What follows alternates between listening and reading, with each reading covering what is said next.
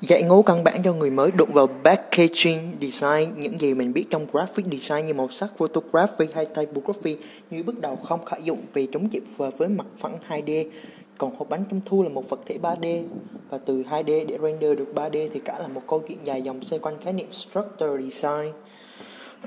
trong packaging design, nếu graphic design làm nhiệm vụ coating ốp chất liệu tô vẽ lên lớp da cho bao bì, hộp chứa thì chính structural design là thứ giúp bạn dựng lên một hình hài cho bao bì, hộp chứa đó. Và đây cũng là mảng kiến thức căn bản nhất của người vốn chỉ quen làm graphic 2D cần thu nạp để có làm được một bao bì sản phẩm. Nhiều khóa học đồ họa ngân hàng Việt Nam chỉ dạy cách sử dụng phần mềm chứ không kiến thức về chế bản hay in ấn printing. Nên bạn không biết, cũng là chuyện thường, quá trình thiết kế bao bì không chuyên là nhận brief nghiên cứu, phát thảo vẽ máy. Bước một, nhận brief hẹn gặp nhỏ bạn thân ở quán cà phê. Tôi sẽ hỏi cụ thể về đối tượng khách hàng, giá cả mỗi hộp.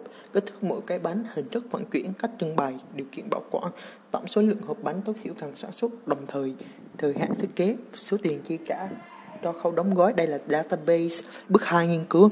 Dựa trên database ta tìm hiểu xem những cái shape nào đang được target customer ưa chuộng, chất liệu gì đủ cứng để được nâng được sản phẩm, không bị méo mó trong quá trình vận chuyển để bánh rau câu thì cần bỏ tủ lạnh, không được dùng hộp giấy. Nếu bánh thường thì hộp dùng phải kín.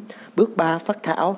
Từ những nghiên cứu về shape, tất cả các phải thảo như ra hai option nho nhỏ, cho bạn lựa chọn các shape ưng ý nhất, nhưng tốt nhất bạn nên gửi hẳn hai cái reference cho nó. Đỡ tốn thời gian, reference đơn giản là trước, đừng phức tạp, đừng bao giờ cho nó xem mấy cái hình như dưới đây.